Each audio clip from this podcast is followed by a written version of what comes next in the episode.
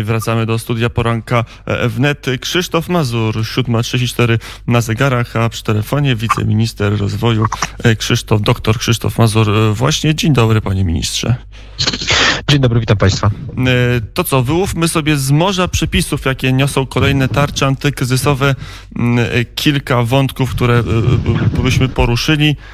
Na początek chciałem się zastanowić w ogólnym kierunku, jakim idzie pomoc rządowa w stronę polskiej gospodarki, bo można odnieść wrażenie, że jedyną grupą, która nie otrzymała na razie pomocy, to są osoby, które tracą pracę, a jedną grupą, która nie ponosi większych ofiar, to jest sektor bankowy. Czy ja dobrze rozumiem?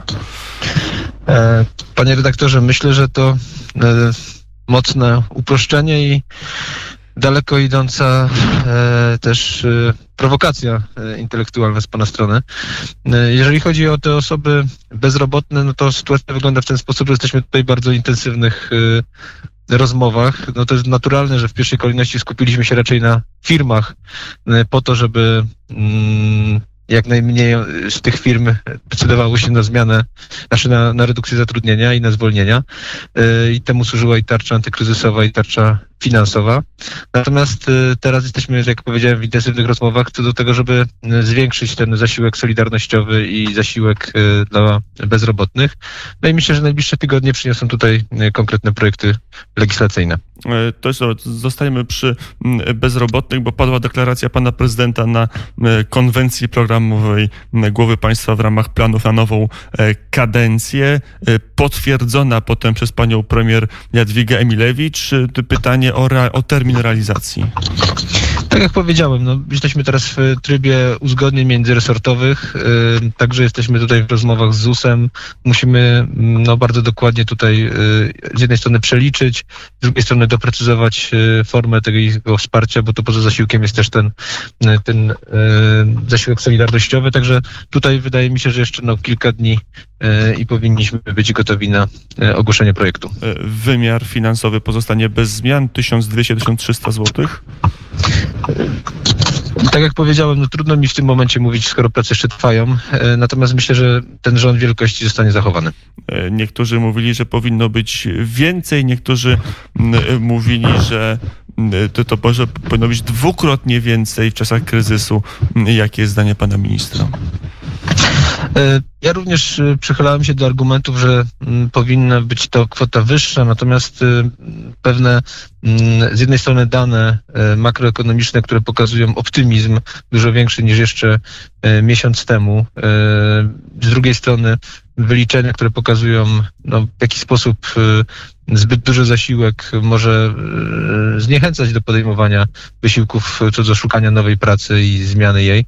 No, one są tutaj dość mocne i wydaje mi się, że to, co zaproponujemy, będzie rozsądnym kompromisem. E, czyli może być wyżej niż 1300. Panie redaktorze, chyba już na to pytanie oddzieliłem odpowiedzi. Poczekajmy na, na ostateczny komunikat rządu. To teraz e, przejdźmy do tych ustaw, które zostały e, przyjęte albo są procedowane w Sejmie. Związki zawodowe solidarnie protestują przeciwko jednemu zapisowi w tarczy 4.0, który pozwala na radykalne obniżenie e, uposażeń pracowników w firmach, które mają kłopoty. Wy się z tego rozwiązania wycofacie, czy, czy ono zostanie w tarczy, jak pan minister wie, czuje? To znaczy, to też jest tak, że mm, ten, ten, dialog wokół nowej legislacji on jest stoczony również w mediach i dla mnie istotne jest to, że ostateczne stanowisko chyba nawet na, w tygodniku Solidarność wyrażone e, Związku Zawodowego Solidarność jest takie, że wbrew emocjom i e, tam może pierwotnym komentarzom e, ta tarcza 4.0 nie jest antypracownicza, jak niektóre nagłówki przez pewien moment mówiły. Także to jest chyba opinia istotna. Mm, jesteśmy po, po po, czytaniu w Sejmie, także tu będziemy, e, myślę, że jeszcze w, dialogu z Solidarnością co do tego rozwiązania. E, ile będzie to, to, to dialog? Oznacza, że e, dialog z Solidarnością, ale także OPZZ są inne związki zawodowe niż tylko Solidarność. Oznacza, że ten zapis mówiący o okresowym, o okresowej obniżce uposażeń będzie zmieniony, będzie ściągnięty w dół? Mm, panie redaktorze, konkretnie o który zapis chodzi, ponieważ tam jest y, kilka zapisów, między innymi na przykład te związane z tym, że jeżeli y, że jeżeli rozwiązujemy z kimś umowę o pracę, to wtedy odprawa nie może być większa niż dziesięciokrotność, dziesięciokrotność płacy minimalnej, czyli tam około 26 tysięcy złotych. Są także te mm, związane, te regulacje związane z tym, że może pracodawca wysłać pracownika na urlop, zaległy urlop bez jego zgody. No tutaj argumenty były takie, że w momencie, kiedy jest duża kumulacja tego zaległego urlopu, a mamy lipiec, sierpień, kiedy przedsiębiorcy chcą no, odbić się maksymalnie z produkcją, z usługami i nagle połowa załogi pojedzie na urlop, będą mieli problem, żeby wykorzystać ten czas do restartu gospodarki. No więc tutaj też jest czasowe, czasowa możliwość, żeby rzeczywiście pracodawca mógł, mógł wskazać ten moment, kiedy trzeba ten zaległy urlop e, wybrać. Mm, Nie Są będę także... się mhm. wciągał w zaułki tych ustaw, bo mm, jak się popatrzy na ilość poprawek w Sejmie składanych przez posłów Prawa i Sprawiedliwości, to już trudno się połapać, który artykuł e, do którego jest stosowany i czy to jest ZZZZ, czy ZZZZY. Mm, można się pogubić. Chodzi o zapis, który mówi o ograniczeniu pensji pracownika do 50% e, pod pewnymi warunkami działania firmy. I pan minister, mam nadzieję, doskonale wie, o który zapis chodzi? No w tym zapisie, panie redaktorze, chodzi po prostu o, o pytanie o utrzymanie miejsca pracy, prawda? E, o tym rozmawialiśmy też w kontekście e, pierwszych rozwiązań tej tarczy antykryzysowej 1.0, e, kiedy walcząc o utrzymanie miejsca pracy, pracodawca miał możliwość na przykład obniżenia o 20% i wtedy połowa tej płacy szła z, od rządu, druga połowa od e, pracodawcy.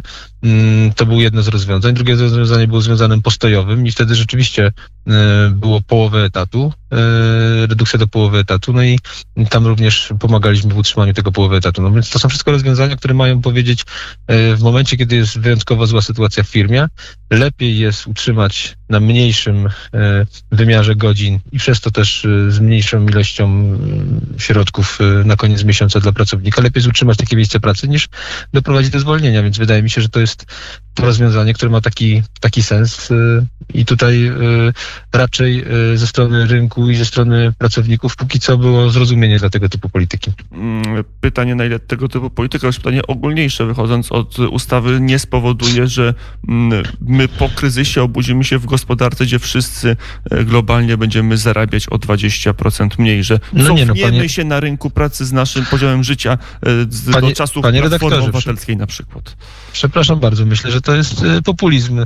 Wie pan doskonale, bo jak widzę, śledzi pan nie tylko podstawowe wnioski, ale także, znaczy mm, podstawowe mm, e, propozycje ustaw, ale także e, prace w komisjach i, e, i poprawki, że wszystkie rozwiązania, o których mówimy, są czasowe, e, i one są wtedy mm, przyjmowane, kiedy, mówimy teraz o tej tarczy 1.0, kiedy przez trzy miesiące e, firma pobiera wsparcie ze strony rządu. Wtedy jest... może zredukować się 20% i wtedy rzeczywiście jest ten mechanizm. Natomiast w momencie, kiedy ten, ta pomoc się kończy, to jakby to rozwiązanie przestaje mieć, e, przestaje być stosowane.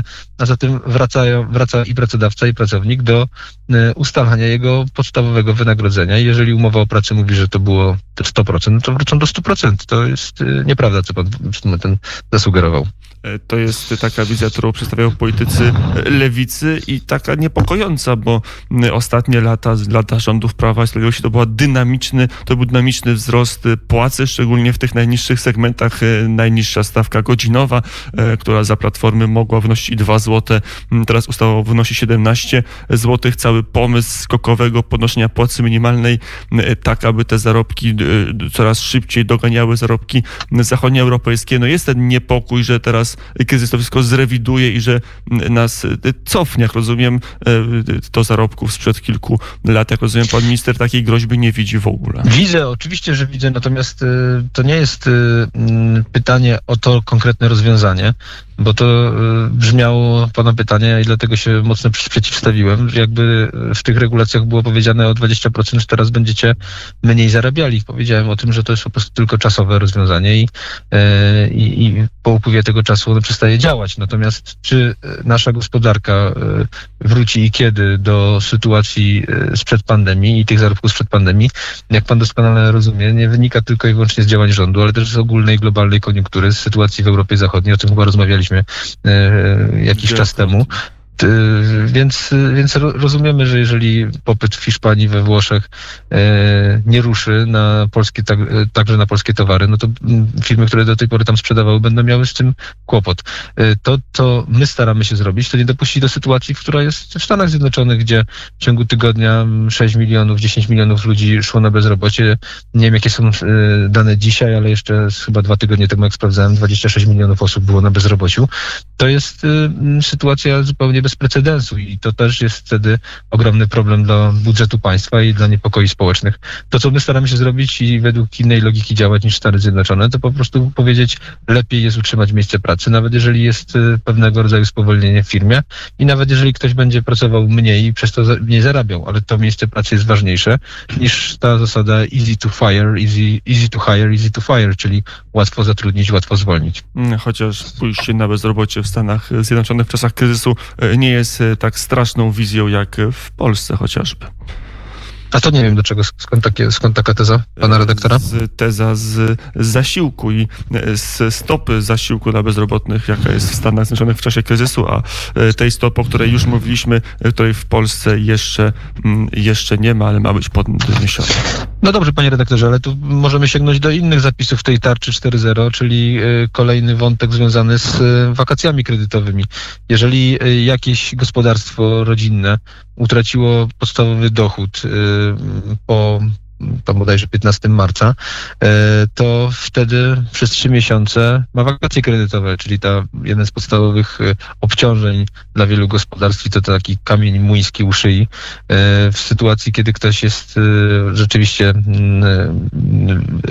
okaże się, że traci pracę, no, nie ma tego obciążenia przez trzy miesiące, co zapewnia, że no, ma, ma większą elastyczność. Więc tu z jednej strony może pan krytykować, że jest ciągle za niska ta, e, ten zasiłek dla bezrobotnych, czy, czy ta pomoc solidarnościowa.